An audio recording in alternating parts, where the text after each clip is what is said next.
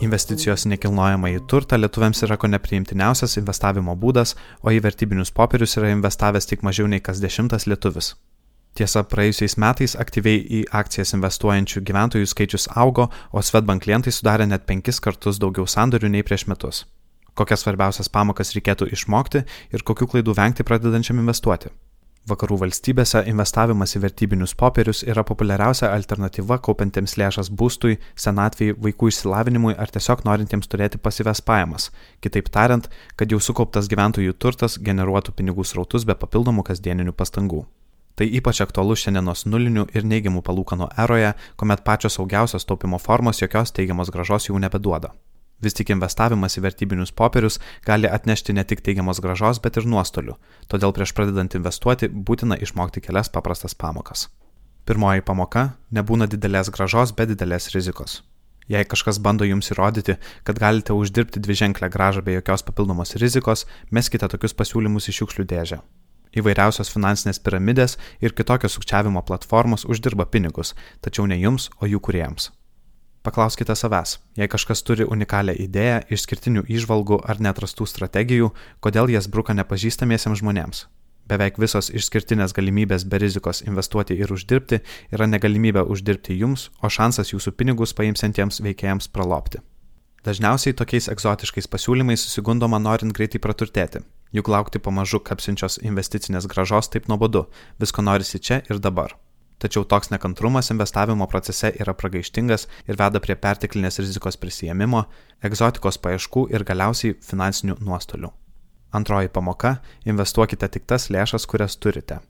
Galimybė investuoti pasiskolintus pinigus arba didesnę pinigų sumą nei jūs turite yra pradedančiojo investuotojo kelias į neigiamų patirčių ir praradimų pasaulį.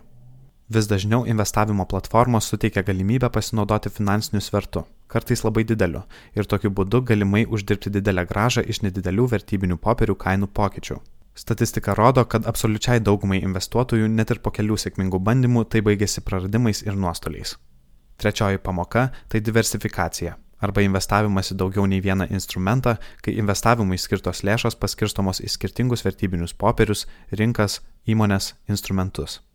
Kartais gali atrodyti, kad suradote tą tikrąją aukso gyslą ir visų investicijų nukreipimas į ją yra geriausia strategija. Ji gali pasiteisinti kurį laiką, gal net kelis kartus iš eilės, tačiau ilguoju laikotarpiu beveik visur ir visada sukuria prastesnį investicinės gražos ir rizikos santyki. Ketvirtoji pamoka. Žmonės yra neracionalios būtybės, besivadovaujančios ne logika, bet jausmais ir emocijomis, taip pat ir investavimo procese. Atskira ekonomikos mokslo šaka, taip vadinama elgsenos ekonomika, analizuoja įvairiausius kognityvinius šališkumus arba sisteminės klaidas, kurias žmonės daro ieškodami informacijos, apdorodami ją ir priimdami sprendimus. Pavyzdžiui, pastebėta, kad priėmę sprendimą įsigyti kažkokios įmonės akcijų, investuotojai ieško ir seka informaciją patvirtinančią jų priimto sprendimo teisingumą, tačiau ignoruoja naujienas ir nuomonės, kurios rodo, kad buvo padaryta klaida. Emocijas ir kognityvinius šališkumus suvaldyti nelengva, bet reikia mokytis juos pažinti ir pažaboti. Dvi emocijos - baimė ir godumas - tūno visų investuotojų galvose ir abijos yra brangių klaidų priežastis.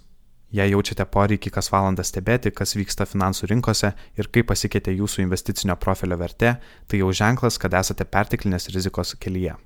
Investavimas turi būti periodinis, nuosaikus ir netgi nuobodus, o adrenalino ieškoti reikėtų kitose gyvenimo sritise. Iš ketvirtosios išplaukianti penktoji pamoka, priešingai nei galite perskaityti kai kuriuose vadovėliuose, rinkos nėra nei efektyvios, nei racionalios, o sunkiai logika, dėsniais ir patirtimi paaiškinami reiškiniai slypi kiekviename žingsnyje.